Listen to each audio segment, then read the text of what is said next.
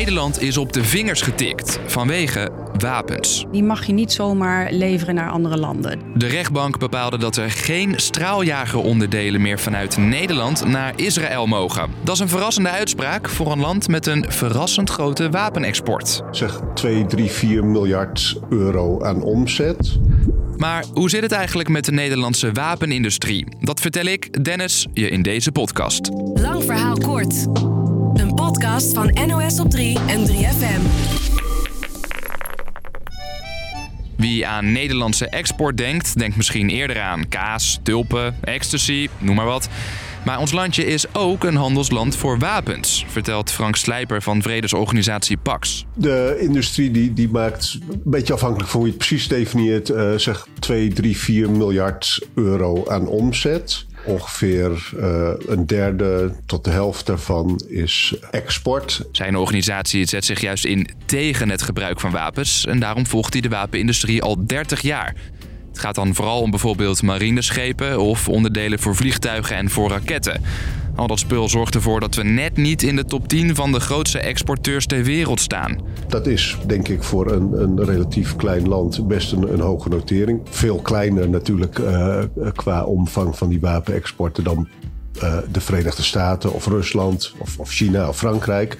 Maar toch wel uh, de elfde grootste exporteur van de wereld. En Nederland maakt niet alleen dingen, er worden hier ook veel dingen opgeslagen en weer doorverkocht. Nederland is uh, qua, qua ligging uh, een, een, handig land om, om spullen door te voeren. Maar voor van alles en nog wat, maar dus ook voor wapens.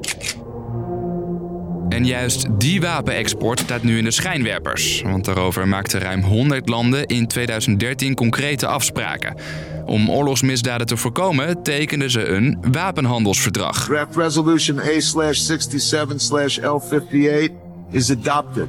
Dat verdrag zegt er mogen wapens verhandeld worden, maar. Niet wanneer er een grote kans is dat die wapens gebruikt zullen worden bij mensenrechten schendingen of voor het begaan van oorlogsmisdaden. Maar die regels kan ieder land net iets anders interpreteren. Daar zit de crux, zegt Frank Slijper van vredesorganisatie PAX. Sommige landen interpreteren die regels wat soepeler dan andere landen, afhankelijk van vaak ook diplomatieke relaties die een land heeft. Een aantal jaar geleden bij een oorlog in Jemen wilde Nederland bijvoorbeeld voorkomen dat er Nederlandse wapens in die oorlog terechtkwamen. Maar die houding is volgens Frank Sluiper wel wat veranderd. De afgelopen twee, drie jaar is Nederland wat soepeler geworden met die export en is ook meer belang gaan hechten aan uh, economische argumenten. Onze huidige minister zegt dan ook. We vinden dat de Nederlandse overheid en het kabinet zijn afwegingen moet kunnen wegen. We vinden dat Nederlandse regering gaat over zijn buitenlands beleid. Maar daar zit volgens deze rechter dus wel een grens aan.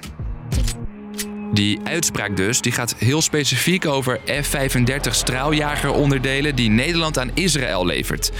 Het gerechtshof zegt nu. Nee, in, in deze situatie kan het niet meer. Want er worden mensenrechten geschonden in die oorlog. Dat het ook dan uh, zo uitpakt uh, bij, uh, bij het gerechtshof, dat was fantastisch. Je hoort Frank Slijper van Paxfeer. Zij denken dat het ook effect kan hebben op rechtszaken in andere landen. Die voelen zich natuurlijk heel erg gesteund door zo'n uitspraak. En, en wat dat betreft heeft, heeft die uitspraak, denk ik, inderdaad veel effect. Aan de andere kant staat de wapenindustrie. Die maakt zich juist zorgen. Hier Hans Huigen van de brancheorganisatie voor wapenleveranciers. Ik vrees voor de afspraken die zijn gemaakt, waar blijkbaar in dit geval de Amerikanen niet van op aan kunnen. Contracten voor wapenleveringen worden vaak namelijk al lang van tevoren gemaakt. Je moet die afspraken er wel na kunnen komen.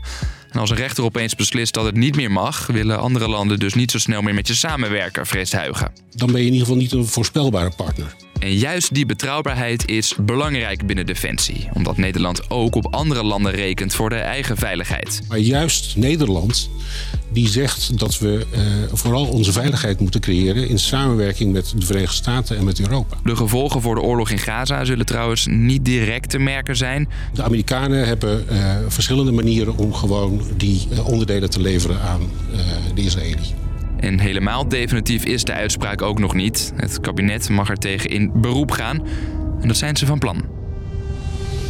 Dus, lang verhaal kort. Nederland is op de vingers getikt vanwege levering van straaljageronderdelen aan Israël. Nederland hoort in het rijtje van de grootste wapenexporteurs ter wereld, maar mag geen wapens leveren aan landen die mensenrechten schenden.